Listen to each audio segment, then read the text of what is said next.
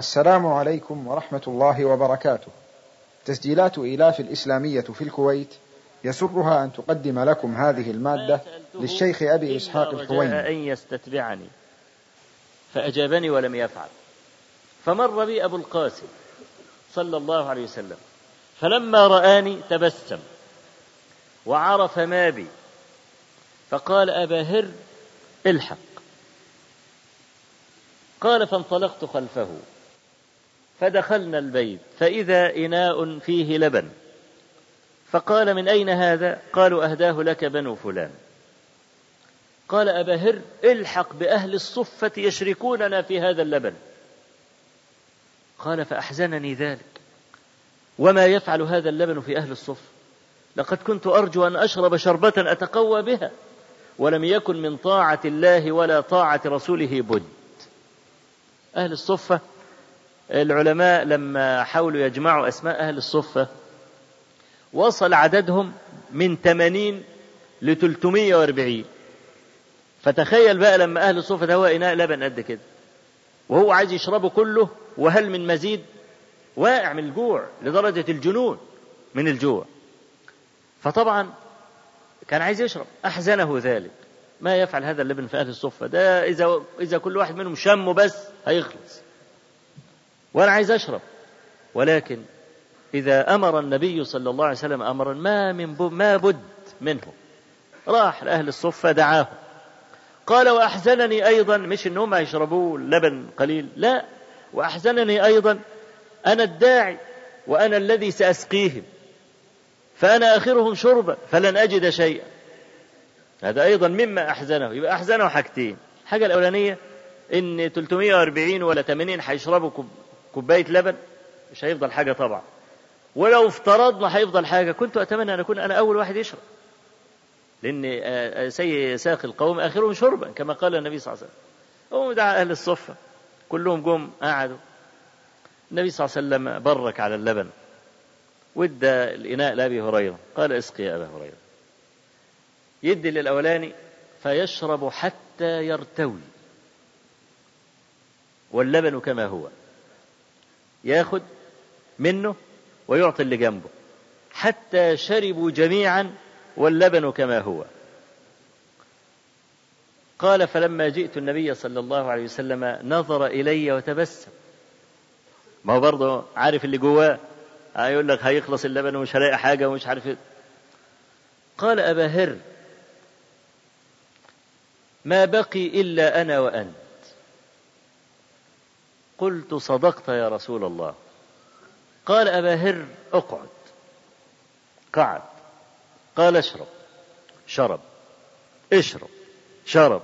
اشرب. شرب. اشرب. قال والذي بعثك بالحق لا أجد له مسلكا. خلاص أنا معدتي مع الآخر مش قادر أشرب قال أرني. ثم أخذ الإناء وسمى الله عز وجل وشرب. صلى الله على سيدي. فمسألة الجوع العام كانت موجودة عند الصحابة. المقداد الأسود يقول عرضنا أنفسنا على أصحاب النبي صلى الله عليه وسلم فلم يقبلنا أحد. ليه؟ لأن الصحابة ليس عندهم. ببساطة يعني. مش عنده كتم ولا عنده وحجب. لا كلهم زي بعض. فقراء.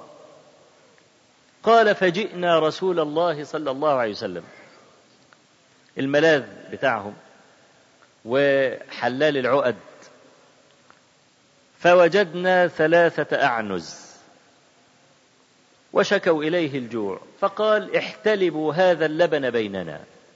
نحلب الأعنز الثلاثة دي وإحنا أربعة المقداد وصاحبان له ورسول الله صلى الله عليه وسلم. قال خلاص يبقى اللبن اللي يطلع من الأعنز الثلاثة دي نقسمهم علينا.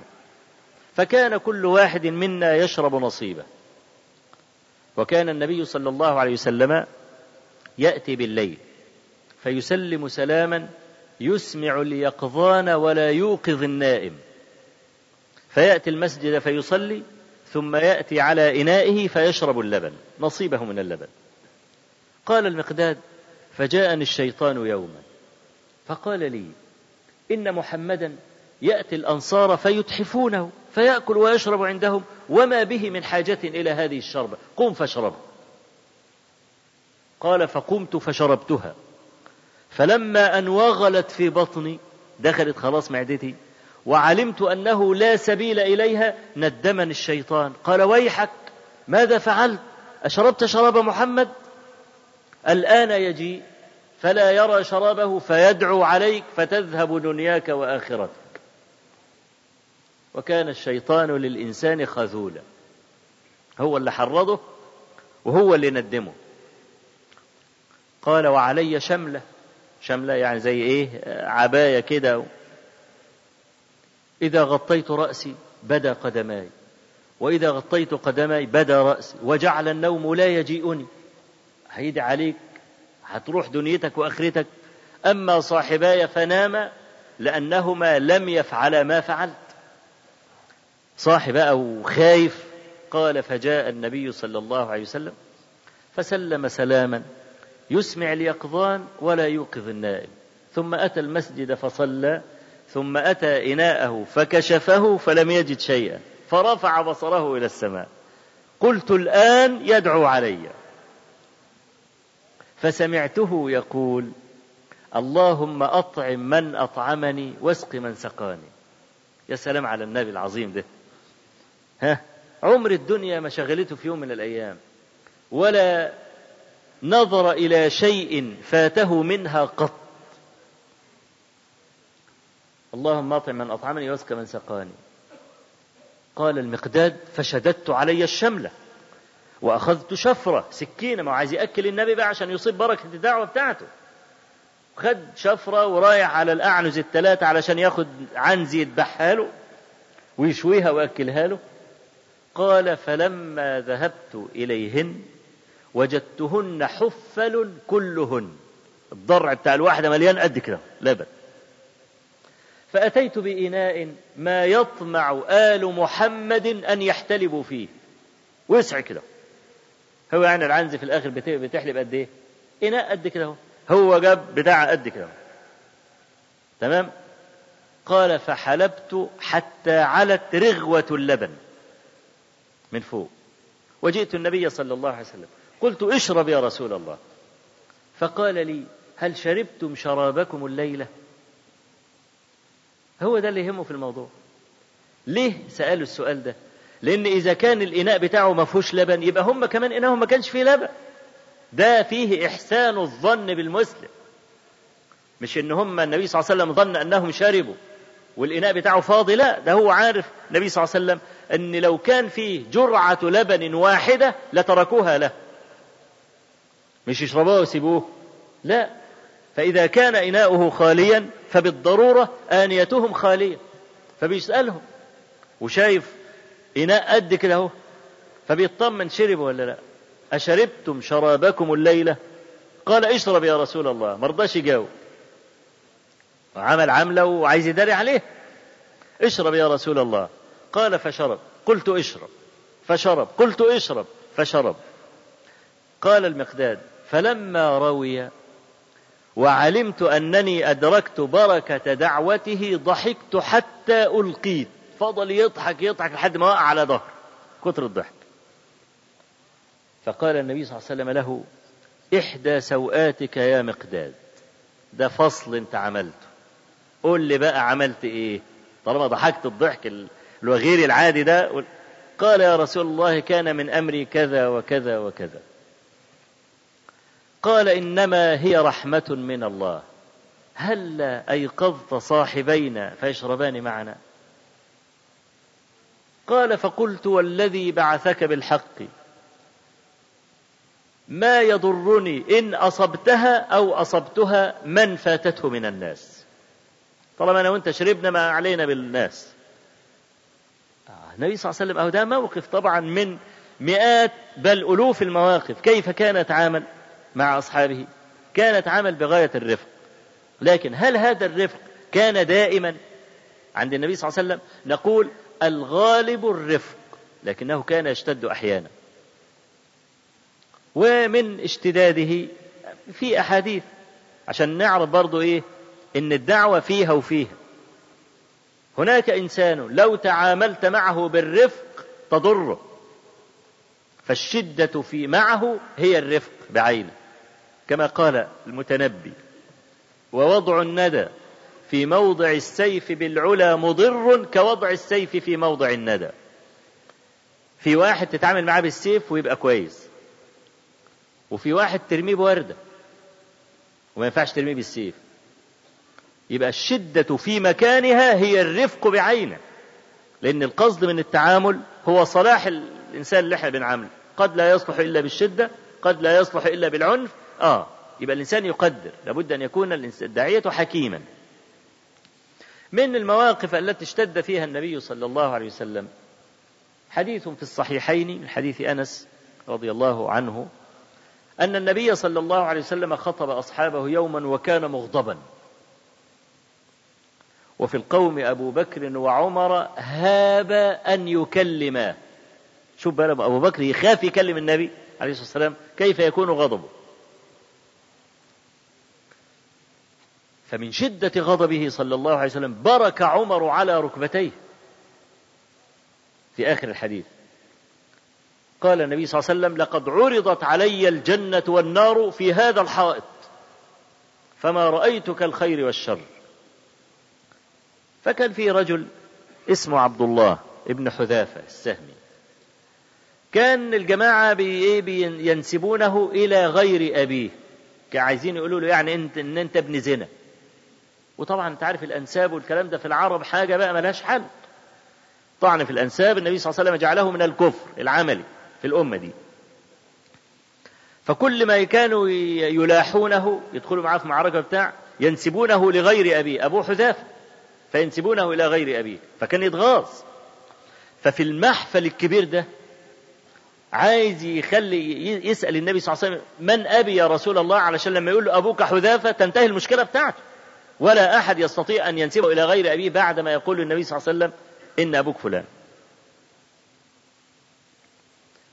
فقام قال يا رسول الله من أبي؟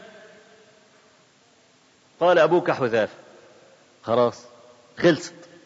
لكن ده عمل مشكلة. فلما رجع عبد الله بن حذافة إلى البيت قالت له أمه يا بني ما رأيت أعق منك. قال ولم؟ قال أفأمنت أن تكون أمك في الجاهلية؟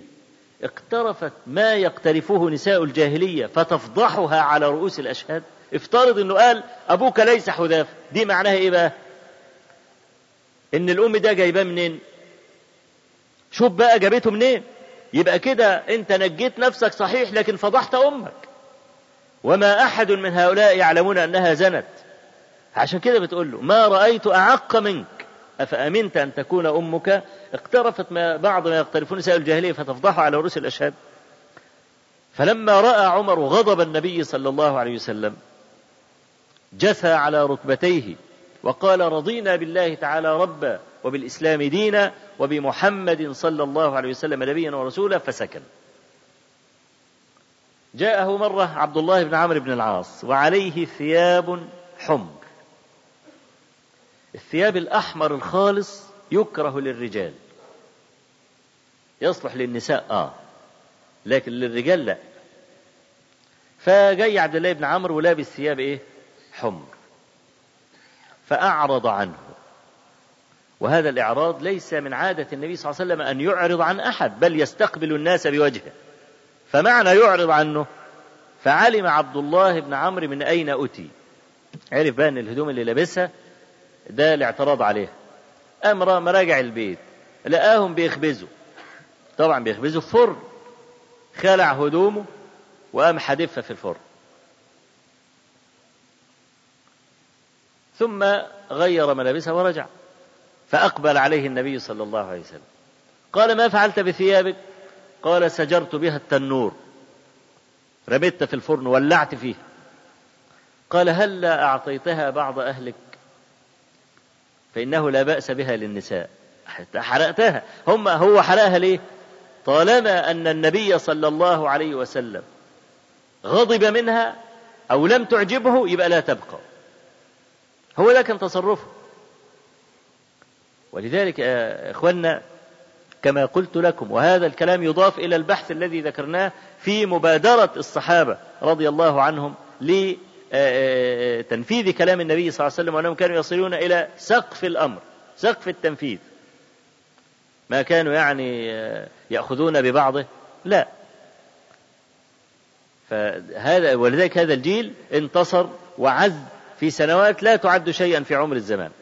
في صحيح مسلم أن النبي صلى الله عليه وسلم رأى رجلا يلبس خاتم ذهب فنزعه من يده نزعا شديدا وطرحه على الأرض. وقال يعمد أحدكم إلى جمرة من نار فيضعها في يده. بعد ما الصحابي جلس جلسته قام وما و و وترك الخاتم على الأرض. فواحد من الصحابة يقول له خذ خاتمك. قال ما كنت لآخذه وقد طرحه رسول الله. طالما رماه على الأرض أنا ماخدوش طب ما تاخده بلاش تلبسه. يعني اجعله شيئا من المال. ادخره. لكن استعظم أن يقذف النبي صلى الله عليه وسلم بالخاتم في الأرض وهو يمد يده عليه. فهذا نوع من الإعراض إعراض النبي عليه الصلاة والسلام. بل قال صلى الله عليه وسلم في حديث صحيح رواه أبي بن كعب رضي الله عنه.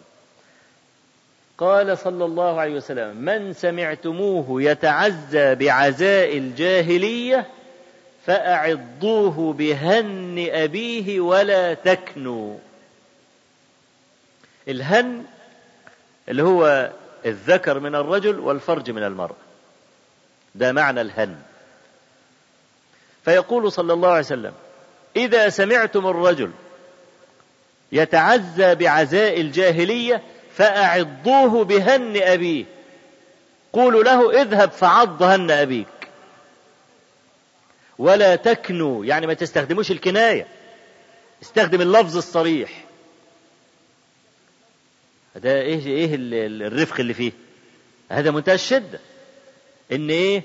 إن تسمعوا رجل يتعزى بعزاء الجاهلية. طب عزاء الجاهلية هل موجود في هذا العصر؟ نعم. لما بينادوا على الأموات.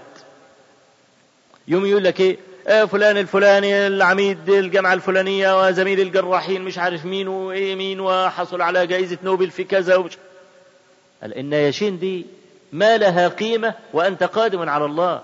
سقط النياشين دي أنت مشيت بها في الدنيا فتحت صدرك أكلت الأموال الباهظة وخدت الجوائز البتاعة وخدت مكانتك ويفرشوا لك الأرض حرير واستقبال رسمي ومش عارف إيه والكلام ده. آه أكلت بها في الدنيا وشبعت. لكن عند الله هذه النياشين لا قيمة لها. ده بقى أن تذكر نياشينك في الدنيا هو ده عزاء الجاهلية. تفتخر ليه؟ ده عمر بن الخطاب رضي الله عنه لما طعن قال لعبد الله ولده اذهب إلى عائشة أم المؤمنين وقل لها عمر بن الخطاب يرجو أن يدفن بجانب صاحبيه ولا تقولي أمير المؤمنين فإني لست اليوم أميرا للمؤمنين. خلع النياشين بتاعته. أنا لست أميرا لمقول عمر بن الخطاب زي ما أمه سمته. هذه النياشين يخلعها يرميها على الأرض ما لها قيمة. فالذي وهو قادم على الله يتعزى بعزاء الجاهلية قال أعضوه بهن أبيه. ولا تكنوا أي لا تستخدموا الكناية في المسألة دي. فده نوع من الشدة. وأيضا في الصحيحين من حديث المسور ابن مخرمة ومروان بن الحكم. حديث صلح الحديبية الطويل. فيه أن عروة بن مسعود الثقفي جاء من قريش ليفاوض النبي صلى الله عليه وسلم. عايز يقول له يعني أنت ليس لك قبل بقريش. تدخل في حرب مع قريش هتتغلب. قال له إيه بقى عروة؟ بيقول للنبي صلى الله عليه وسلم قال ما أرى حولك إلا أوباشا وفي الرواية الثانية أوشابا خليقا أن يفروا ويدعوه. دول شوية غجر اللي حواليك دول من مطاريد القبائل. أول ما تقوم الحرب هيسيبوك لوحدك. فيعني لا تغتر بهم وما تحملش عليهم قوي يعني. فقال أبو بكر أنحن نفر وندعى أمصص بظر اللات. البظر هي القطعة في فرج الأنثى اللي بيقطعوها عشان الختان والكلام ده. ده شدة ولا رفق ديت؟ شدة. أمصص بظر اللات. فقال عروة ابن مسعود من هذا المتكلم الذي استقبلني بمثل هذا الكلام القبيح؟ فتبسم النبي صلى الله عليه وسلم وقال هذا ابن أبي قحافة يبقى النبي صلى الله عليه وسلم أقر أبا بكر على الكلمة ولا لا؟ أقره لأنه لو كان لم يقره لقال يا أبا بكر ما يجوز أن تقول مثل هذا الكلام؟ أما وقد سكت فدل على أنه أقر أبا بكر أن يستقبل عروة بن مسعود بهذا الكلام الشديد. قال هذا ابن أبي قحاف. فقال له عروة لولا أن لك علي يدا في الجاهلية لأجبتك. ال- الذي منعني أن أرد عليك وقد أسأت إلى آلهتنا أن لك عندي جميلا. أنا عايز إخواننا بقى يتعلموا من الحاجات دي. له جميل وشتم آلهتهم. يوم هذا الجميل يمنعه من الرد. وفي رواية ابن إسحاق عن الزهري في هذا الحديث قال قد استوفيت جميلك بهذه الكلمة. خلاص لو غلطت غلطة تانية هرد عليك. قد استوفيت جميلك بهذه الكلمة. فهذا شدة شدة من أبي بكر الصديق. أيضا في قصة إسلام أبي ذر في صحيح مسلم. لما أبو ذر أرسل أخاه لينظر خبر النبي صلى الله عليه وسلم. فرجع أخوه اسمه أنيس قال له وجدت رجلا على دينك. أبو ذر كان يعبد الله قبل أن يبعث النبي صلى الله عليه وسلم. وجدت رجلا على دينك يأمر بمكارم الأخلاق قال له ما شفيتني؟ قام أبو ذر واخد الزوادة بتاعته وانطلق إلى مكة. دخل المسجد الحرام خايف. يتكلم.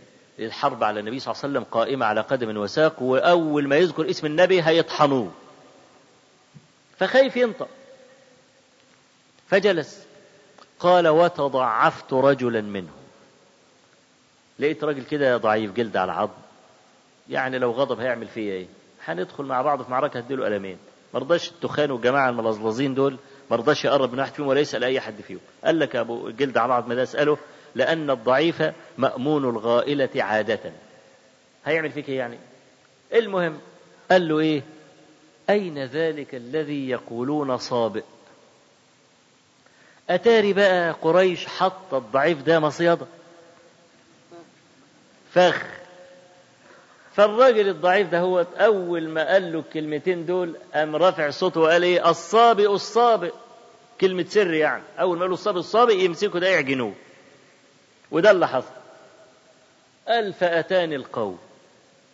فضربوني بكل مدرة وعظم. اللي معاه عظمة حمار واللي معاه نبوت واللي معاه جزمة واللي معاه أي حاجة نزلوا فوق. قال ما تركوني حتى جعلوني كأني نصب أحمر. كأني تمثال متغطي حمرة من الدم. هرب منهم ونزل زمزم. المهم النبي صلى الله عليه وسلم في ليلة من الليالي مقمرة. في آخر الليل كده على وش الفجر جاء هو وأبو بكر وطاف بالبيت. وكان بيطوف بالبيت آنذاك امرأتان مشركتان. فأبو ذر متغاظ منهم. ف المرأتين دول كانوا يدعوان إسافا ونائلة. إساف صنم ونائلة صنم. إساف مذكر ونائلة إيه؟ مؤنث. أنثى. فاتغاظ منهم. وهم معديين جنبه كده إيه؟ قال أنكحها إحداهما الأخرى وبالتالي عليهم بقى متغاظ منهم اتجوزوهم لبعض. فالمرأتان نظرتا إليه نظرا قويا كده وقعدوا يطوفوا برضه. فلما لفوا عليه المرة الثانية قال هن مثل الخشبة. هن اللي هو إيه؟ العضو يعني. هن مثل الخشبة. قال فولولة ولولة يعني إيه قاعد إيه يندبوا عشان كده بقول لك إيه واحد كان بيسأل واحد بيقول له كلمة ولية دي جاية منين؟ قال له من الولولة لأن الولية بتولد ها؟ اللي هي المرأة يعني. فولولة النبي صلى الله عليه وسلم جاي هو أبو ذر لقاهم بيصرخوا. إيه مالكم؟ فقالت هذا الصابئ قال لنا كلمة تملأ الفم. كلمة ما تتقالش. ما نعرفش نقولها. خلاص؟ فجاء النبي صلى الله عليه وسلم وأبو ذر وتكلموا فعرف النبي صلى الله عليه وسلم ماذا قال أبو ذر للمرأتين. ده كلام شديد أهو. واخد بالك؟ ومع ذلك أقره النبي صلى الله عليه وسلم. فإحنا عايزين نقول إن في طرائق الدعوة مرة المرء يشتد ومرة مرة المرء لا يشتد. يبقى دي إذا على حسب المخاطب على حسب المخاطب. ماذا فعل المخاطب؟ عشان أقابله بكلام جميل أو أقابله كلام شديد. اللي حصل بقى في المسألة دي أن الوليد بن عبادة بن عبادة بن الصامت استعجل. هو يعني المسجد ده كله ما فيهوش حد بيفهم؟ أنت الوحيد اللي بتفهم يعني؟ طب ما هو كله رأى جابر بن عبد الله وقد علق رداءه على المسجد وكله ساكت. فلماذا جرؤت أنت؟ وبعدين أنت جاي لمين؟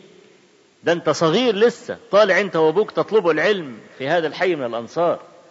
وأصحاب النبي صلى الله عليه وسلم هم العلماء المجتهدون. فكان المفترض انت رايح لجابر لكي تتعلم. أول خطوة تخطوها تعترض عليه؟ فخالف مقتضى الأدب في التعليم.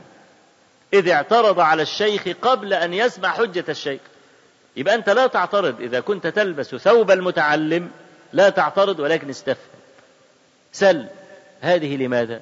ولماذا فعلت هذا؟ هو بقى ما سألش ده عمل عملة ان هو أم جاي وما ترك جابرا يلتفت. جلس بينه وبين القبلة.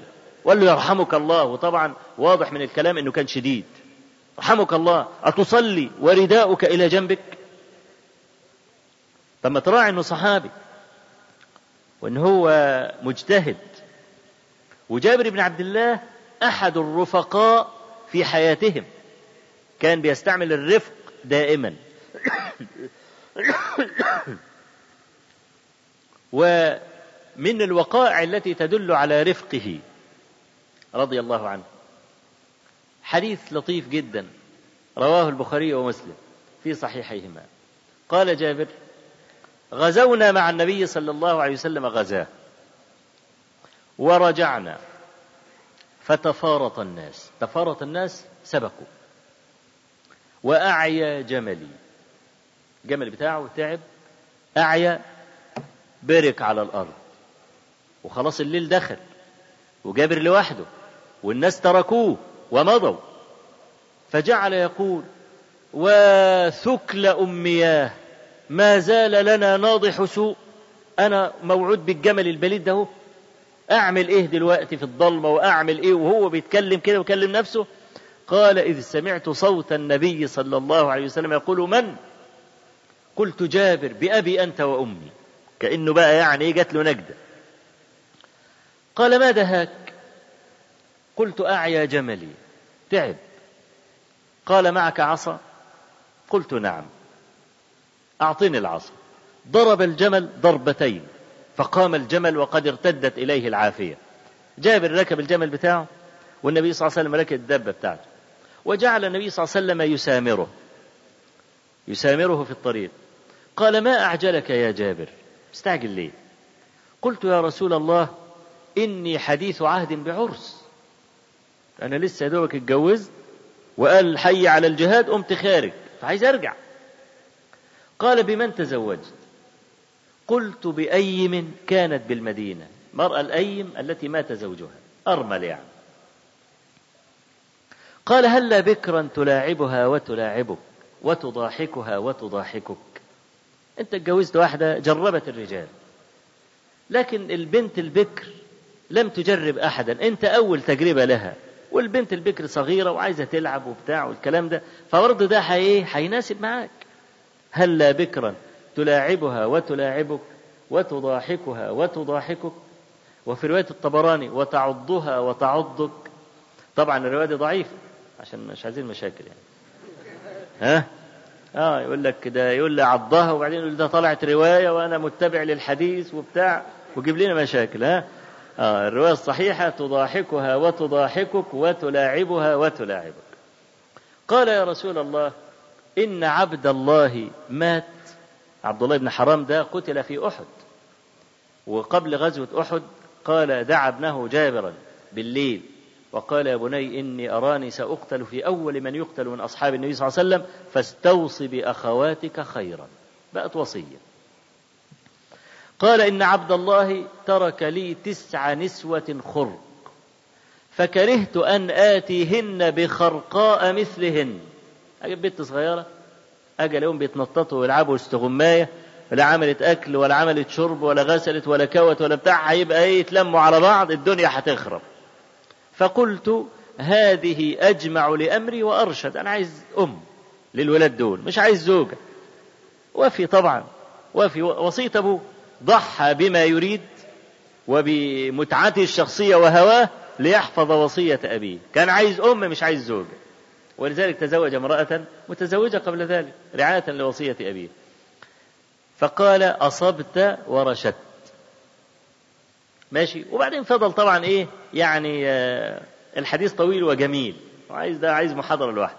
المهم أن جابر بن عبد الله رضي الله عنهما كان رفيقا. فكونه يشتد بل الشدة بتاعته تخرج كمان يقوم مقوس أصابعه كده ومفرقها ومديله كده لكمة في صدره مما يدل على أن الوليد بن عبادة خالف مقتضى الأدب في المسألة دي.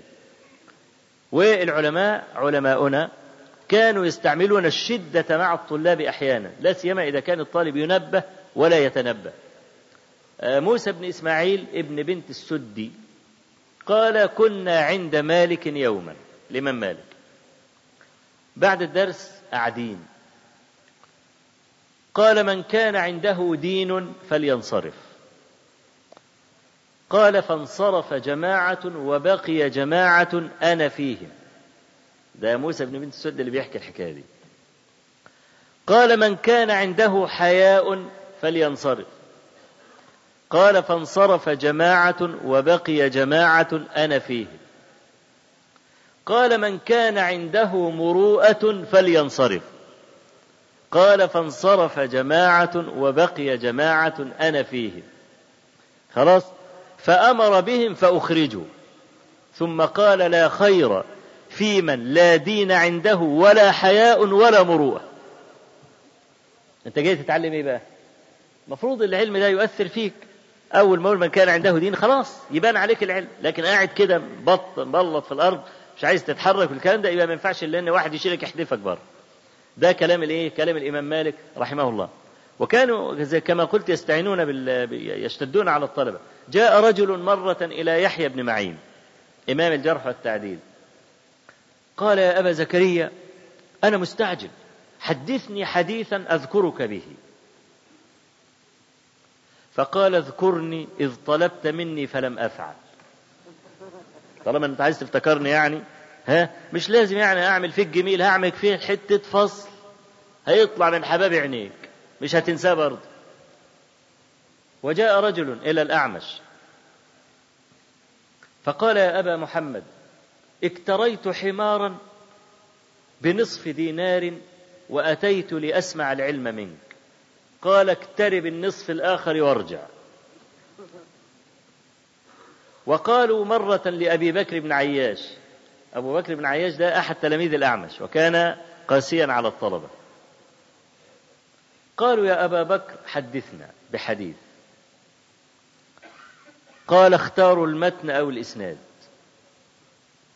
طب هو أنت لما تقول لي حدثني فلان عن فلان عن فلان عن أبي هريرة عن النبي صلى الله عليه وسلم وتقول لي السلام عليكم وأنا إيه اللي استفدته؟ هو أنا عارف إيه الحديث؟ ولما يقول المتن ما إحنا محتاجين الإسناد بس ما يقدروش يعملوا غير كده لازم يتلطفوا مع أبي بكر بن عايش وإلا هيحدفهم بره برضه. اختاروا المتن أو الإسناد. فقالوا له أنت عندنا إسناد. يعني بيبجحوا لنفسه جايز يرضى عليهم ولا بتاع. فقال لهم كان إبراهيم يدحرج الدن. طب إيه اللي استفدناه؟ حتى ظن عليهم أن يحدثهم بشيء ينتفعون به. كمان يدحرج الدن. وإبراهيم النخعي كمان يعني لا صحابي ولا بتاع ولا حتى قلت لنا حاجة عن النبي عليه الصلاة والسلام. الخطيب البغدادي يقول حدثهم بما لا ينفعه. كمان طبعا ده مش دايما العلماء دايما كده لكن أحيانا يلجأ العالم إلى الشدة لتأديب الطلبة. ساعات يجي الطالب كده يستحضر نسبه ويستحضر غناه وجاي قاعد عند الأستاذ بقى نافخ ريشه. لا ده أنت لازم تتأدب. القصة دي كلها تسيبها على باب الجامع أو على باب المجلس. أنت ابن مين ومعاك قد إيه والكلام ده؟ لا. إذا دخلت بهذا المعنى وهذا الاعتبار لا تتعلم أبدا. فالعلماء لأجل هذا كانوا أحيانا يشتدون على الطلبة. نوع من أنواع التربية. الأعمش رحمه الله وكان مشهورا بالشدة على الطلبة. عبد الله بن إدريس يقول آه، جئنا مرة سليمان بن مهران الأعمش لنسمع منه. ودخلنا الدار. وقلنا جوع يا أبا محمد. جعانين دخل أبو محمد وكان فقيرا الأعمش أتى بالخبز. هم طبعا عبد الله بن إدريس والجماعة اللي معاه عايزين يعملوا فخ في الأعمش. فتواصوا. الحاجة اللي يجيبها على ما يروح يجيب الحاجة التانية يجي ما يلاقيهاش. حط خبز يجي لقينا واكلين. حط تمر يجي لقينا واكلين. المهم يجي ما يلاقيش حاجة. وضع الخبز وبعدين راح يجيب الإدام الغموس يعني جاء ما لقاش الخبز. فبحلق وسكت. وضع الإدام راح يجيب خبز. الإدام ده هياكلوه بإيه؟ جاء لقوا مشربين العدس. فيش ولا حاجة في الإناء. فدخل. جاب لهم إيه بقى؟ جاب لهم تبن.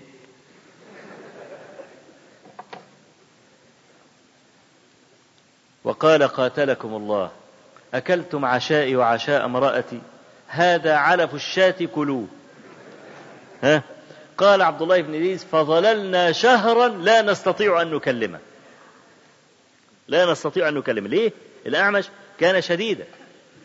كان لما يجلس يقول لا يجلس أحد إلى جانبي. فطبعا بيجي طلبة غرباء مش عارفين مذهب الأعمش ولا عارفين الوصايا بتاعنا أعمش. فيقوم بقى يجي إيه شايف الدكة جنب الأعمش فيها مكان فارغ يقوم إيه جاي قاعد جنبه. وطبعا الكل اللي قاعدين عارفين المسألة دي ومش قادرين يقولوا حاجة. فأحس برجل إلى جنبه. فجعل يقول حدثنا ويبصق عليه.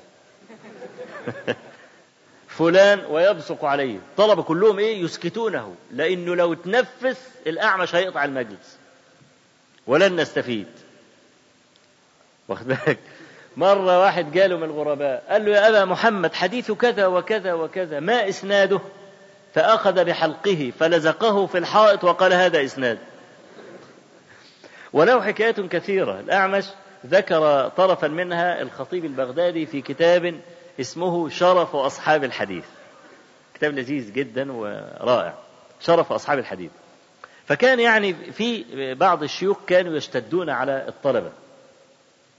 نوع من أنواع التربية زي ما عمل جابر بن عبد الله. لكن تربية الطالب تربية سنية سلفية تختلف عن تربية الصوفية. ليس معنى أن أقول لك لا تعترض على الشيخ ألا تعترض عليه بإطلاق حتى لو جاء بالغريب. يعني أنا سأذكر لكم في هذا المجلس نماذج من التربية الممقوتة حتى لا يختلط الأمر عليكم. ليس معنى أن أقول الاعتراض على الأكابر محمود وكثرة المراء يورث الصدود ليس معناها ترك الاعتراض بالكلية حتى لو كان الأمر مخالفا في الظاهر. لكن الإنسان يعترض بأدب. إذا اعترض يقول لماذا فعلت كذا وكذا؟ لما يكون متغاظ يعني. لماذا فعلت كذا وكذا؟ فإن كان مؤدبا يقول قد فعلت كذا وكذا ما الحجة في ذلك؟ يبقى الإنسان متعلم لكن قد يعترض. أما بالنسبة للصوفية فيجعلون الاعتراض مدعاة للطرد من الرحمة والطرد من المشيخة والطرد من التلمذة طرد كامل. مجرد الاعتراض حتى لو كان المعترض عليه يفعل شيئا محرما في الظاهر. وأنا حتى لا يقال يعني إن إحنا يعني بنجيب كلام من عندنا أنا سأقرأ لكم شيئا وسأوثقه بالجزء والصفحة واسم الكتاب. حتى لا يتصور أحد إن الكلام ده ما جئنا به إلا تبشيعا لهؤلاء. لا من كتبهم هذا الكلام. من كتبهم. شوف يا عم. قال عبد الوهاب الشعراني. إحنا عندنا في القاهرة ميدان اسمه ميدان باب الشعرية. باب الشعرية دي كل اسم ده عشان عبد الوهاب الشعراني. كل كبدة ومخ ضاني واقرأ الفاتحة للشعراني. ده الكلام اللي مكتوب في الميدان. كل كبدة ومخ ضاني واقرأ الفاتحة للشعراني. الشعراني ده له كتاب اسمه طبقات الأولياء وله كتاب اسمه الأنوار القدسية في قواعد الصوفية. أورد في هذا الكتاب كلاما أنا لا أستطيع أن أقرأه في المسجد. ولا خارج المسجد إلا وقد وضعت عيني في الأرض حياء. والكلام ده يذكرونه ككرامات. شوف أنا بقول لك أنا ما أقدرش أقوله وأسبل العناية كده وأبقى مكسوف خالص والعرق بينزل مني من الحياء وهم يجعلونه من الكرامات. يقول عبد الوهاب الشعراني في كتاب الأنوار القدسية في قواعد الصوفية الجزء الأولاني صفحة 189 يقول المريد الصادق مع شيخه كالميت مع مغسله. لا كلام ولا حركة ولا يقدر ينطق بين يديه من هيبته. ولا يدخل ولا يخرج ولا يخالط أحدا ولا يشتغل بعلم ولا قرآن ولا ذكر إلا بإذنه. إذا قدر لهذا المريد وتورط وبينه وبين نفسه قاعد يقول سبحان الله العظيم سبحان ربي القدير سبحان ربي الأعلى هيروح في ده. إذا تورط وذكر الله بدون إذن شيخ. لازم الشيخ اذن يقول له اذكر الله يذكر الله. إنما يذكر ربنا كده منه لنفسه كده يبقى هيروح في ده. يقول أبو حامد الغزالي صاحب كتاب الإحياء إحياء علوم الدين وهذا الكتاب ملآن بالسموم ولا أعلم على بسيط الأرض كتابا أكثر كذبا على النبي صلى الله عليه وسلم منه. ثلاث أرباع الأحاديث اللي أوردها ما بين ضعيف وموضوع ومنكر وباطل واللي عايز بقى يعرف المسألة دي ينظر إلى تخريج الحافظ زين الدين العراقي في حاشية الكتاب من تحت. ويعمل إحصائية كده للأحاديث التي ضعفها العراقي أو قال إنها ضعيفة أو موضوعة أو الكلام دهوت ولينظر إلى الأحاديث الثابتة التي حسنها العراقي أو صححها ليعرف الفرق بين الطائفتين. يقول في الإحياء الجزء 3 صفحة 65 وكذلك المريد يحتاج إلى شيخ وأستاذ يقتدي به لا محالة ليهديه سواء السبيل. ده كلام مظبوط. لحد هنا تمام. فليتمسك به تمسك الأعمى على شاطئ النهر بالقائد ولا يبقي في متابعته بحيث عفوا بحيث يفوض أمره إليه بالكلية. ولا يخالفه في ورده ولا في صدره ولا يبقي في متابعته شيئا ولا يذر. وليعلم أن نفعه في خطأ شيخه لو أخطأ أكثر من نفعه في صواب نفسه لو أصاب. كأن الشيخ لا يخطئ لأنه بيقول لو أخطأ الشيخ وكأن التلميذ لا يصيب ابدا فيقول حتى لو أصاب. يبقى ده أخطأ. الشيخ لا يخطئ والتلميذ لا يدرك صوابا يقول الشعراني في الأنوار القدسية جزء واحد صفحة 188 فإن لم يتيسر للمريد صلاة الجمعة عند أستاذه فليتخيله عنده في أي مسجد شاء. يصلي في أي جامع بس لازم يتخيل أستاذه قدامه ويقول أبو اليزيد البسطامي كما في كتاب شطحات الصوفية إذا أمر الأستاذ التلميذ أمرا من أمور الدنيا وبعثه في إصلاحه يعني فسد عنده أي حاجة ثلاجة بوتجاز أي حاجة وقال للمريد خد صلح الحاجة دي.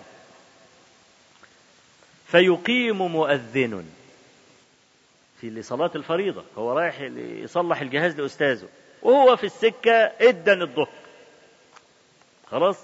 بيقول إيه بقى أبو اليزيد البسطامي؟ فيقيم مؤذن في بعض طرقات على مسجد من المساجد فيقول أدخل اولا المسجد أصلي ثم أكون وراء ما بعثني به شيخي فإن فعل ذلك فقد وقع في بئر لا يتبين أسفلها. يعني أنا رايح أصلح له حاجة. إدا علي الظهر أقيم للصلاة. إذا المريد قال أدخل أصلي الأول. وبعدين أروح أصلح الحاجة بتاع شيخي يبقى راح في ستين ده. يبقى ده معناها إنه يروح يصلح الحاجة الأول. عدى الظهر وجاء وقت العصر مش مهم. المهم يصلح الحاجة للشيخ ويبقى مطيع للشيخ. فإن خالف الشيخ فدخل ليصلي صلاة الفريضة فقد سقط في بئر لا يتبين أسفله. أي ليس له. ويقول سراج الدين الرفاعي الصيادي في كتاب قلادة الجوهر صفحة 177 يقول ومن يقول ومن آداب المريد اللازمة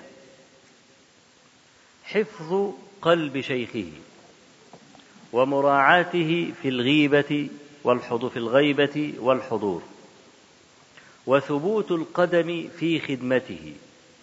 وأوامره كليها وجزئيها. وربط القلب به. شوف الكلام. يربط قلبه بشيخه. واستحضار شخصه في قلبه في جميع المهمات. لا يفتر عنه طرفة عين. ما الذي بقي لله عز وجل؟ كان الشيخ يصل الأمر إلى أن لا يفتر عن ذكر شيخه طرفة عين ولا ما دونها. يقول الشعراني في الأنوار القدسية صفحة 168 جزء واحد صفحة 168 ومن آداب المريد إذا زار إذا زار شيخا في قبره. ألا يعتقد أنه ميت لا يسمعه. بل الأدب أن يعتقد حياته البرزخية لينال بركته. فإن العبد إذا زار وليا وذكر الله عند قبره فلا بد أن يجلس ذلك الولي في قبره ويذكر الله معه كما شهدناه مرارا. شوف التربية ولذلك لا فائدة أن تتكلم مع رجل صوفي. إذا واحد اقتنع بهذا الكلام ونفذه يبقى ما عندوش عقل أبدا. فتصور بقى لما يكون إنسان ماشي كالدابة العجماء لا يفكر. تربى على مثل هذا الكلام. وأنا سأذكر لكم من سنة النبي صلى الله عليه وسلم ما يضاد هذا الكلام مضادة مباشرة مباشرة. ويقول الشعراني برضه وأجمعوا أن من شرط المحبة لشيخه أن يصم أذنيه عن سماع كلام أحد في الطريق غير شيخه. فلا يقبل عذل عاذل حتى لو قام أهل مصر كلهم في صعيد واحد لم يقدروا على أن ينفروه من شيخه. يبقى شيخه معصوم. إذا فعل شيئا لو الدنيا جميعا قامت على قلب رجل واحد وقالت له شيخك مخطئ يقول لا شيخي محق وأنتم لا تفهمون. وصلوا للمسألة دي. يقول ولو غاب عنه الطعام والشراب أياما لاستغنى عنهما بالنظر إلى شيخ. فإذا جاع يبقى ولد وحش ويبقى ما استفادش بالشيخ. يا إما يبص للشيخ ويشبع يبقى يبقى الولد ده مش نافع. أدي معنى الكلام. قال وإن لم يره طب أنا قدام الشيخ أبص لوشه وأغمس ها؟ ماشي. طب افترض الشيخ مش قدامي وأنا جعان؟ أعمل إيه؟ قال فإن لم يكن الشيخ أمامه فليتخيله. خلاص؟ فكرنا واحد من ال واحد بخيل جاب حتة جبنة كده مش لها ريحة كده وبتاع والعيال عايزين يغمسوا. عندهم خبز فقط وعايزين إدام وهو مش مكنهم أبدا إيه يغمسوا من الجبنة. حط الجبنة في الإيه في الدولاب وقفل عليها وخرم خرم في إيه؟ في باب الدولاب على أساس العيال يشموا وياكلوا. ها؟ فإيه برضه يجي الولد يوم إيه؟ جايب لقمة الخبز وحاططها على خرم المفتاح وياكل. فأبوه جاء قال له يا ابني أنت أكلت إزاي؟ قال له عملت كذا كذا. قال يعني ما فيش يوم يعدي من غير غموس؟ ها؟ آه. أو بقى إذا كان شيخه مش قدامه بقى يتخيل شيخه غمس على الهوا كده. واحد يروح جنب واحد كفتجي والريحة الدخان بتاع الكفتة بتاع غمس وخلصنا على كده.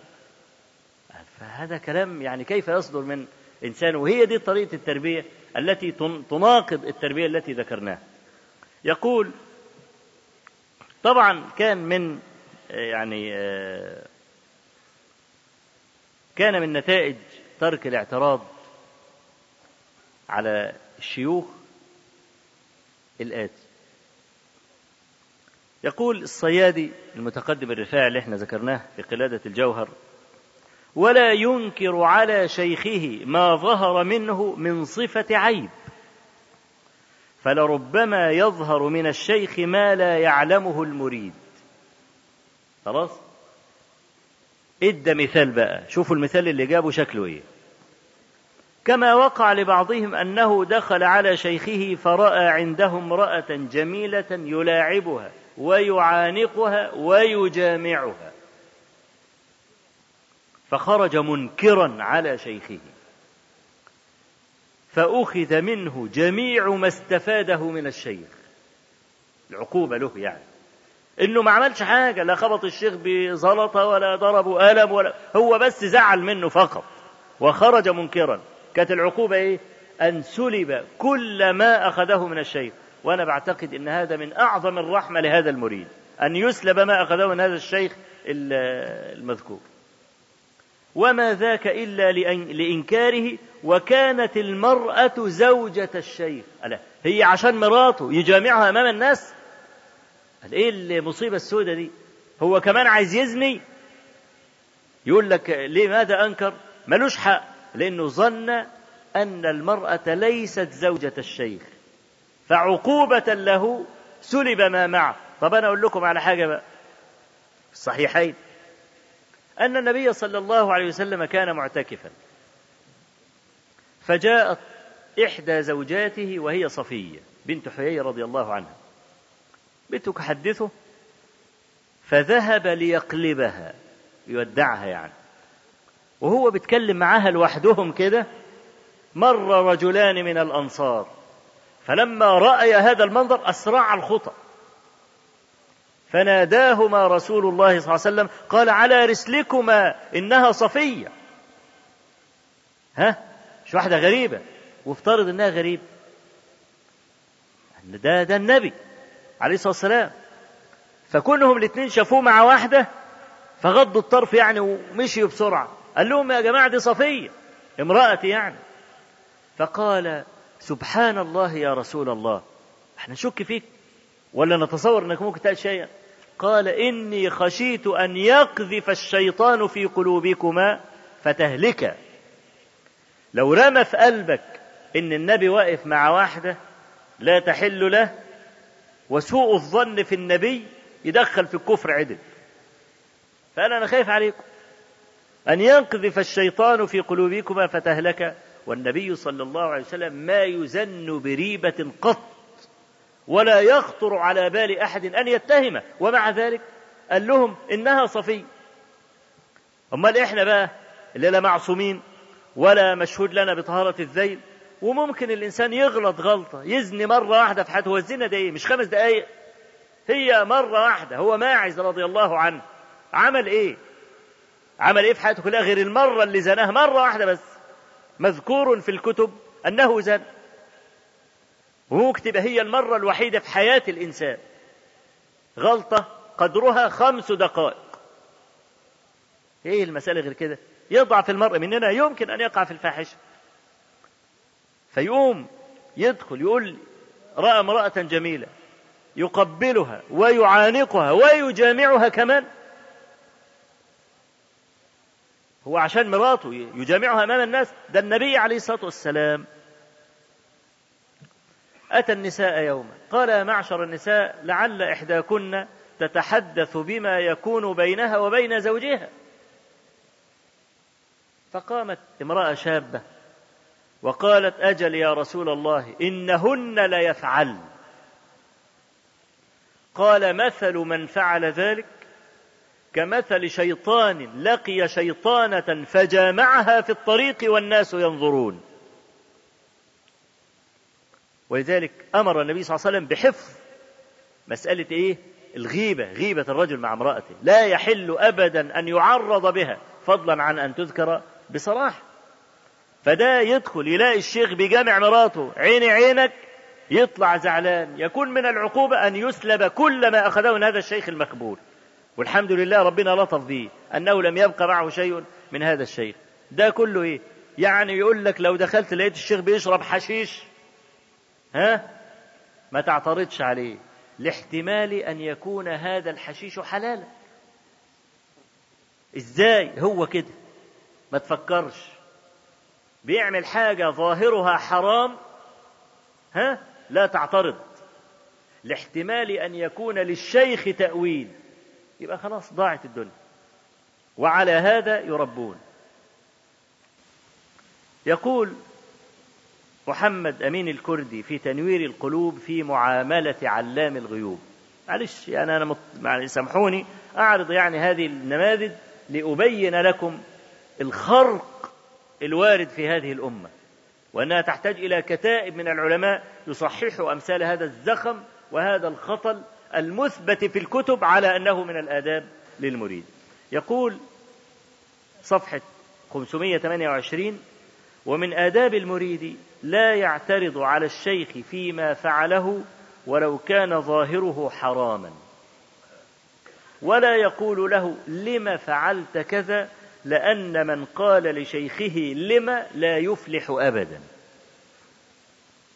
فقد تصدر من الشيخ صورة مذمومة وهي في الباطن محمودة. طب النبي عليه الصلاة والسلام المعصوم أهو.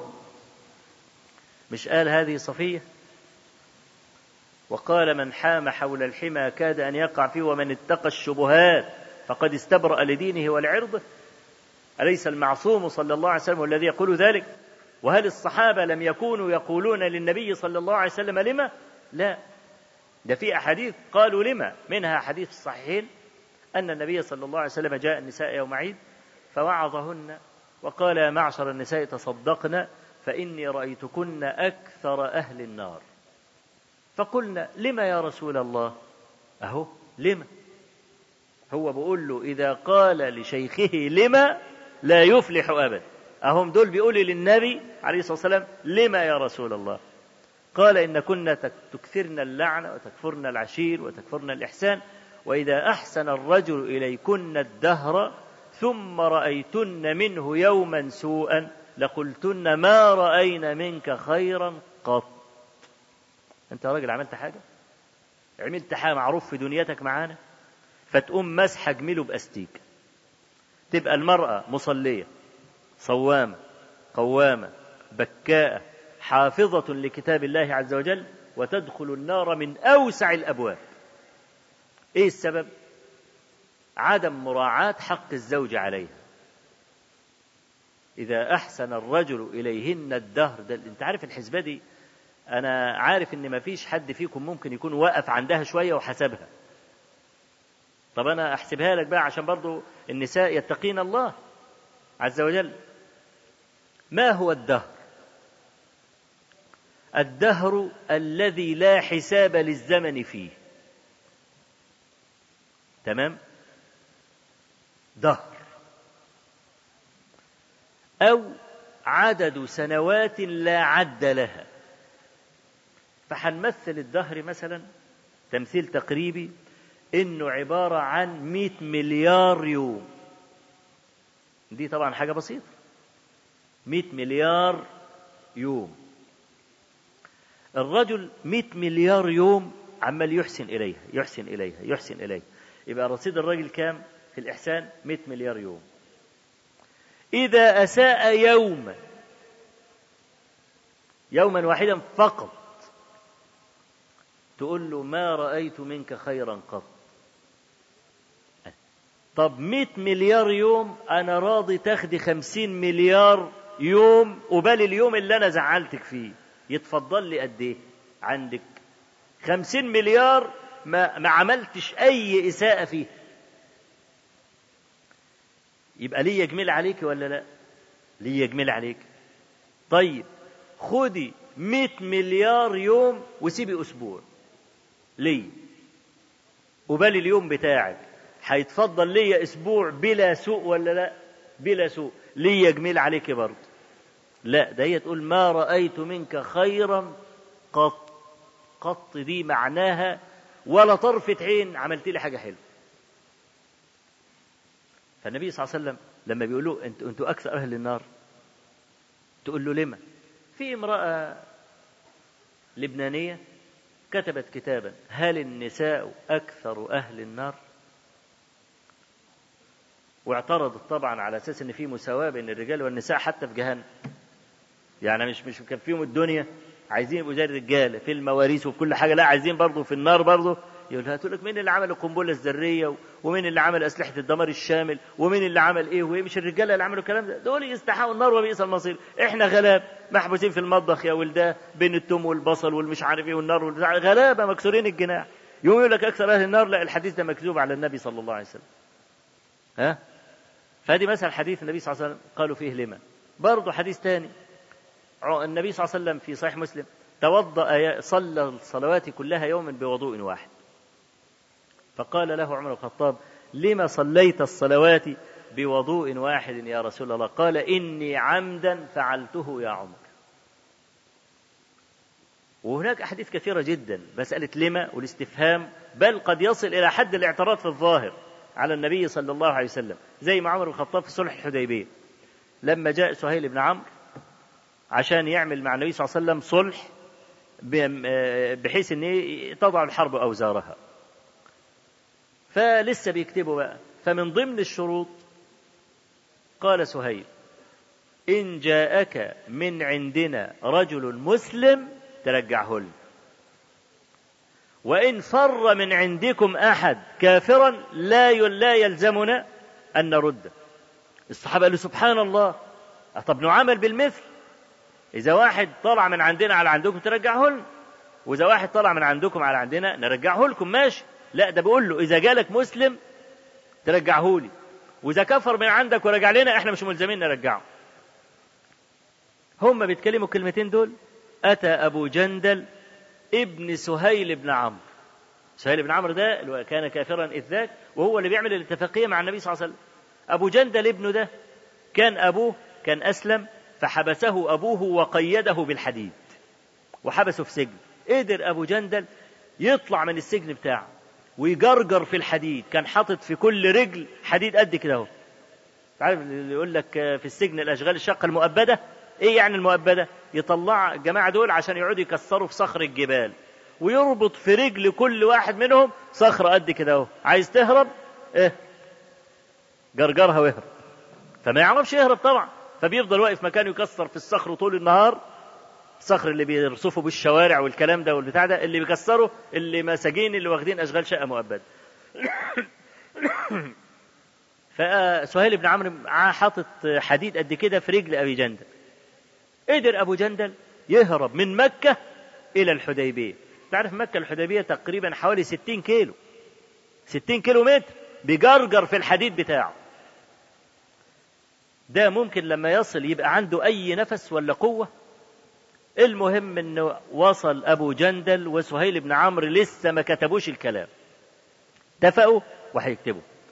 بص كده لقى ابنه قال يا محمد هذا أول ما أقاضيك به. أنا لسه بقوله. يجي واحد من عندنا مسلم ترجعه لي.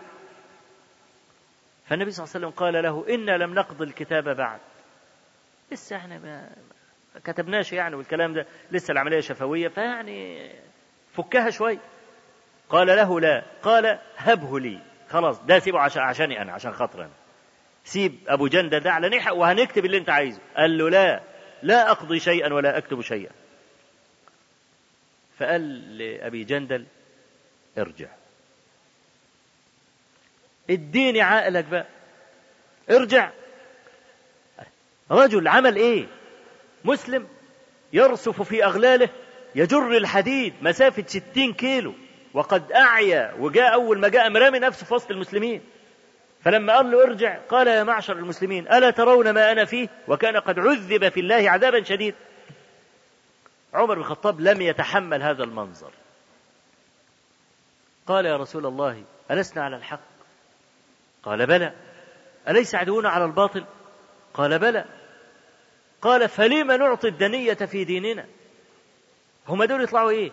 سيبنا عليهم وإحنا حنمصمص لن نترك فيهم جلدا ولا عظما ولا لحما. قال ليه ليه نذل هذا الذل بعدما أكرمنا الله بالإسلام. نذل الذل ده ويرجع هذا المسكين اللي جاي ستين كيلو في الأغلال يجرجرها. يرجع مرة أخرى عشان مين يعني؟ عمر الخطاب منفعل. وأنا أعتقد أن الصحابة كان يدور في صدورهم. مثل ما دار في صدر عمر إلا أنهم لم يجرؤوا على الكلام. فقال له قال له لما؟ اعتراضه قال لما نعطي الدنية في ديننا؟ وخذ أحاديث كثيرة. يعني كان الصحابة بعض الصحابة يقول لما؟ في كلام ظاهره كأنه يعترض أو لا يسلم بالحكم أو نحو ذلك. فيبقى الصحابة يعملوا على النبي صلى الله عليه وسلم معصوم كده ويجي ده يقول لك من قال لشيخه لما لا يفلح كأن الشيخ معصوم يفعل ما يريد الشيخ وما أقدرش أعترض على الشيخ لأن من اعترض انطرد. طبعا لن أطيل بحاجات لكن أنا هقول لكم إيه؟ ثلاث كرامات من كرامات هؤلاء. وده برضو بأقلامهم. ها؟ قال الشعراني في الطبقات طبعا كلمة كرامات يعني يعني أفضل ما فعله هذا الشيخ. ولا تسمى كرامة إلا إذا كانت حاجة يعني إيه؟ حاجة كبيرة أوي يعني. يقول الشعراني في طبقات الأولياء جزء 2 صفحة 129 ومنهم الشيخ إبراهيم العريان وكان رضي الله عنه يطلع المنبر ويخطب عريانا. الله ده أنا مش غيظني في العملية دي كلها غير رضي الله عنه. أه رضي الله عنه يطلع المنبر بلبوص كده أهو مفيش أي حاجة. ورضي الله عنه. ده بي ده بيكلم مين ده؟ كأنه بيخاطب صم بكم عمي. يخاطب صما بكما عمي. ويجعل هذا من كرامات إبراهيم العريان. شوف إبراهيم العريان بقى بيخطب خطبته شكلها إيه. ده لو في الأوقاف هيرفدوه. ها؟ شوف خطبته يا عم. بيقول إيه الخطبة بقى؟ فيصعد المنبر فيقول السلطان دمياط باب اللوق بين السورين لما كمل الخطبة. ها؟ جامع طولون. الحمد لله رب العالمين. فيحصل للناس انبساط عظيم. ما أنا عايز أفهم الراجل قال إيه؟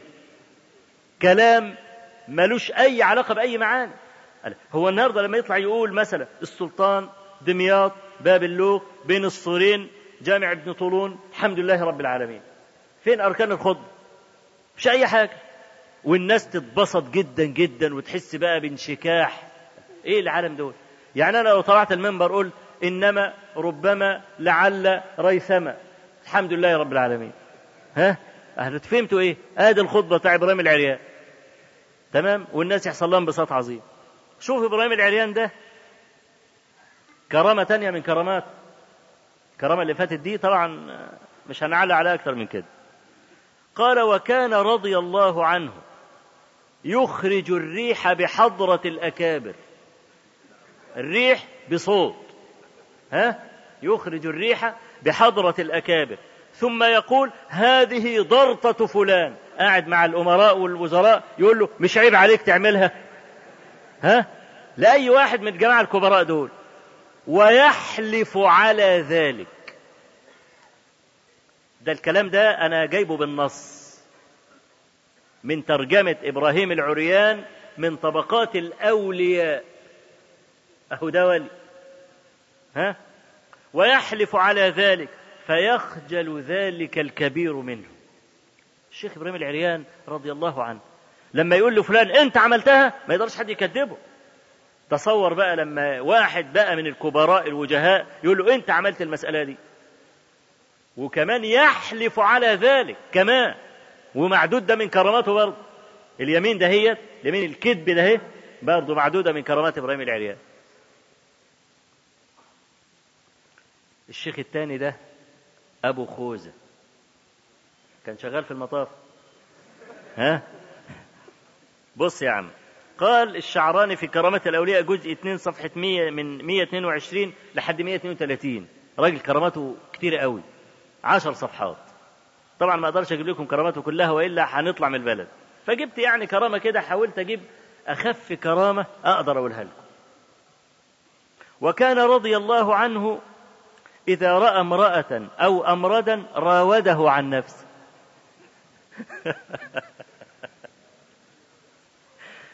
والله يا اخوانا أداة كرامات يا اخوانا. يبقى أقول لك كتاب في حاجات ما أعرفش أقراها في الجامع.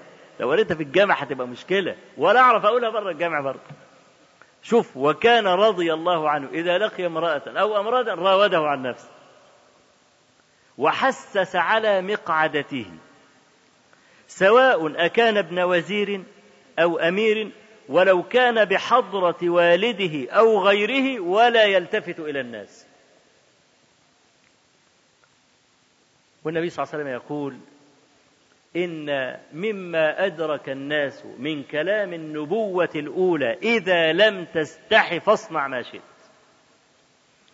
وفي الصحيحين أيضا من حديث ابن عمر أن النبي صلى الله عليه وسلم رأى رجلا يعظ أخاه في الحياء كأنه يقول أضر بك فقال دعه فإن الحياء من الإيمان.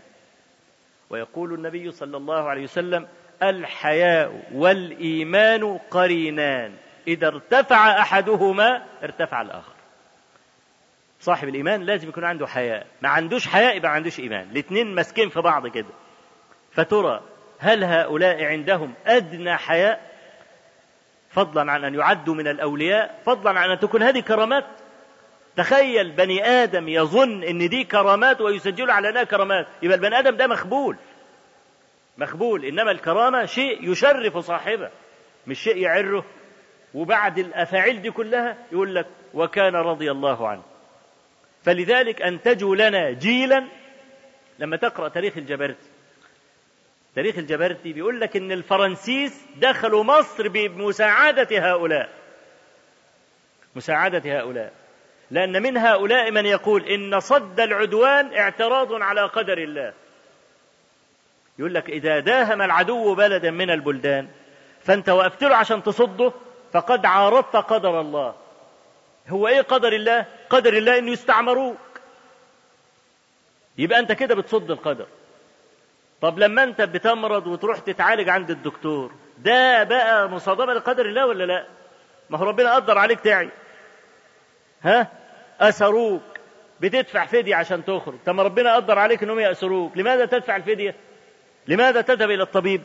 اشمعنى ده بقى مش مصادمة لقدر الله ويبقى رد العدوان مصادمة لقدر الله الذي قدر على بلاد الفلانية إن العدو يحتلها والجبرتي ذاكر في مواضع متفرقة من تاريخه لعجائب الأخبار والآثار دي ذاكر أشياء تحتاج إلى أن واحد يقرأ الكتاب كله ويطلعه ليرى ماذا جنى هؤلاء على أمة الإسلام بسبب هذه التربية الخاطئة التي تسمعونها.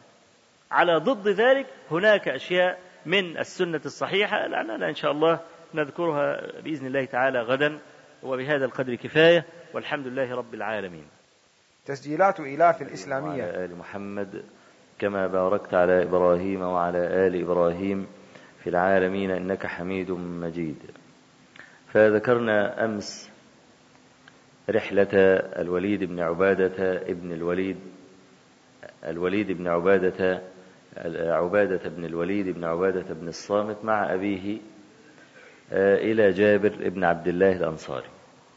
وأن آه، الوليد لم لما رأى جابرا يصلي بإزار وقد وضع رداءه إلى جنبه لم يتحمل ما رآه فتخطى الصفوف وذهب فجلس بين جابر وبين القبلة وقال له يرحمك الله أتصلي ورداؤك إلى جنبك؟ فما كان من جابر إلا أن دفعه أو ضربه ضربة في صدره. رحمك الله. وقال ليراني الأحمق مثلك فيصنع مثل ما أصنع. وتكلمنا عن طرائق الدعوة. وأنها كما تكون بالكلمة والموعظة الحسنة تكون أيضا بالشدة ووضع الشدة في موضعها هو الرفق بعينه. وذكرنا بعد ذلك أن هذا نوع من أنواع التربية وأن العالم قد يربي تلميذه بالشدة لما يراه الأصلح له. ثم ذكرنا كيف يربي الصوفية تلاميذهم وسنذكر اليوم إن شاء الله عز وجل بعض نماذج من التربية النبوية ليظهر الفرق بين تربية النبي صلى الله عليه وسلم لأصحابه وبين مناهج التربية المنحرفة. ومن أعجب ما أذكره أيضا فيما يتعلق بتربية الصوفية لتلاميذهم ما ذكره القشيري في كتاب الرسالة له. عن أبي عبد الرحمن السلمي أنه قال آه ذهب أبو تراب النخشبي وشقيق البلخي إلى أبي يزيد البسطامي فقربت سفرة فقال شقيق لغلام أبي يزيد كل معنا يا فتى قال إني صائم. فقال له شقيق قل ولك مثل أجر شهر. فأبى. فقال له أبو تراب قل ولك مثل أجر سنة. فأبى. فقال أبو يزيد البسطامي دعوه فإنه سقط من عين الله. قال فأخذ ذلك الشاب في السرقة فقطعت يده. هذا نوع من الافتيات على الله. يعني هذا الشاب أكان عاصيا أم مطيعا؟ كان مطيعا لأنه كان صائما. فإذا قال له صم ولك مثل أجر شهر من الذي أعطاه السلطة؟ ومن الذي فوضه أن يقول كل وسأعطيك أجر شهر. النبي صلى الله عليه وسلم ما يقول مثل هذا مع جلالة منصبه وقربه من ربه. فيقوم الشاب يرفض أن يفطر. فينبري أبو تراب النخشبي يقول كل ولك مثل أجر سنة. فيأبى. من الذي حدد هذا الأجر؟ وأي سلطان بأيدي هؤلاء حتى يعطي هذا الأجر شهرا وهذا الأجر سنة؟ وبعدين يعني الحكاية تختم بهذه الطامة الكبرى أن يقول أبو يزيد إنه سقط من عين الله. ومن أدراه؟ أنه سقط من عين الله. ومسألة أنه أخذ يعني في السرقة هذه ما لها علاقة بمخالفة الأمر. وعايز برضه يقول لك أنه لما خالف أمر المشايخ عوقب وأخذ في السرقة فقطعت يده. نحن نقول إن المسألة دي لو لو صحت الحكاية يعني قد تكون حدثت اتفاقا مثلما حدث لأبي حمزة الصوفي ان هو سقط في بئر فجاء رجلان فطم البئر عليه ردموها عليه فلم يتكلم ولم ينبه اللذان اللذين يردمان البئر حملا لنفسه على التوكل. قال فجاء أسد فأخرجني. طبعا الحكاية دي إيه يعني رواها أبو لمع يعني الكلام ده كله كلام فارغ. وبرضه من الأشياء التي لا يصدقها الإنسان. حتى لو ظنن حتى لو سلمنا جدلا. إن الحكاية صحيحة. فقد يحدث هذا أن يلطف الله عز وجل بعبده الجاهل. وقد يحدث هذا اتفاقا. لا أن كل ما رجل مثلا يفعل شيئا من المخالفات يرسل الله عز وجل له نجدا. فهنا لما يقول دعوه فقد سقط من عين الله هذا افتيات على الله عز وجل. وقد صح في في, في الصحيحين من حديث جندب ابن عبد الله البجلي رضي الله عنه. قال قال رسول الله صلى الله عليه وسلم قال رجل لأخيه والله لا يغفر الله لك. فقال الله عز وجل من ذا الذي يتألى علي من اللي بيحلف علي؟ الإله اللي هو الحلف. للذين يؤلون من نسائهم تربص أربعة أشهر أي الذين يحلفون ألا يقربوا نسائهم أربعة أشهر. فيقول الله عز وجل من ذا الذي يتألى علي قد غفرت له وأحبطت عملك. طبعا هو بيتألى عليه فأسقط عمله كله. وروى الإمام أبو داود وأحمد بسند صحيح عن أبي هريرة رضي الله عنه عن النبي صلى الله عليه وسلم قال كان أخوان أو كان رجلان متواخيان في بني إسرائيل. أحدهما مجد والآخر مقصر. فكلما لقي المجد المقصر زجره وقال له اتق الله إنه لا يحل لك أن تفعل ما تفعل. فلقي المجد المقصر ذات يوم فزجره وأكثر عليه فضج المقصر وقال أبعثك الله علي رقيبا أم جعلك علي حسيبا؟ خلني وربي. فقال المجد له والله لا يغفر الله لك. فقبض الله عز وجل روحهما وأوقفهما ثم قال للمجد أكنت على ما في يدي قادرا أم كنت بي عالما؟ ثم, ثم قال للملائكة بالنسبة للمقصر خذوه إلى الجنة وقال بالنسبة للمجد خذوه إلى النار. يعني فرجل يفتات على الله عز وجل ويقول إن هذا يغفر له أو لا يغفر له أو لا يقبل الله عمل هذا ويقبل عمل ذاك أو أن هذا سقط من عين الله. هذا عين التألي على الله تبارك وتعالى. ولذلك خرج هذا الجيل من بسبب هذه التربية لا دماغ له على الإطلاق. يقاد مثل الدابة العجماء ولا يعترض. يرى المنكرات الواضحات التي لا يمتري عالم بالشريعة في بطلانها وأنها حرام ثم يقول لعل للشيخ آه، نظرة في المسألة دي. خلاص صار الدين طلاسم وأخرجوا لنا التفسير الباطني. التفسير الباطني اللي هو بيطلع روح النص. يقول لك إن إحنا بنغطس ونطلع روح النص إنما أنتم تجرون على ظاهر النص. هذا الكلام لا بد من التنبيه عليه لأنه أضر الأمة ضررا جسيما. ويعني إن غضب بعض من يسمع مثل هذا الكلام فنحن نعلم أن إرضاء الناس جميعا غاية لا تدرك.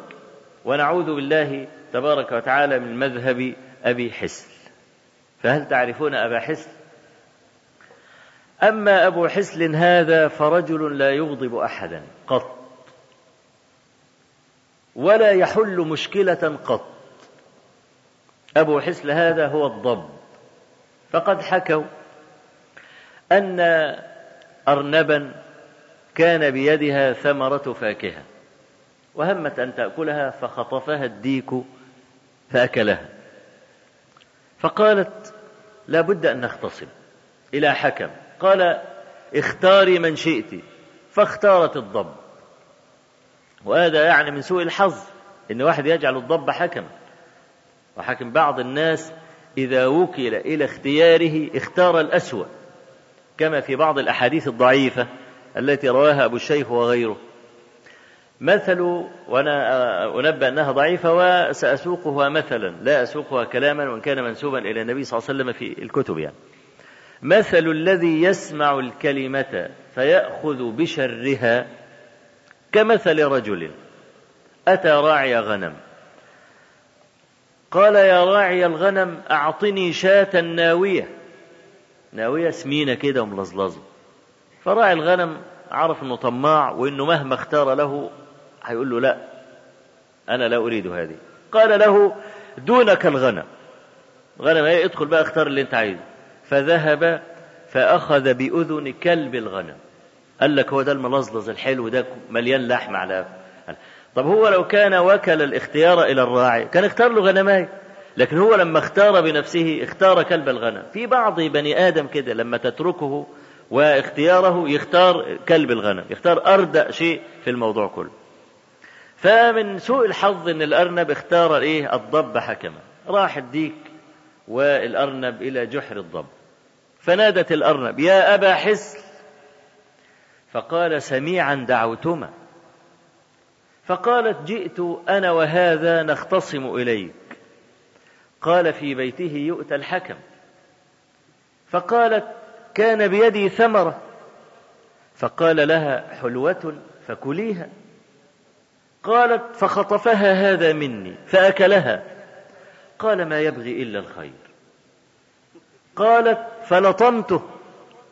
قال بحقك أخذت. قالت فلطمني. قال حر انتصر. قالت فاقض بيننا. قال قد قضيت. ده حل القضية. لم تكتمل مادة هذا الشريط بعد. ولا أغضب لذا نرجو متابعتها في الشريط الذي بعده.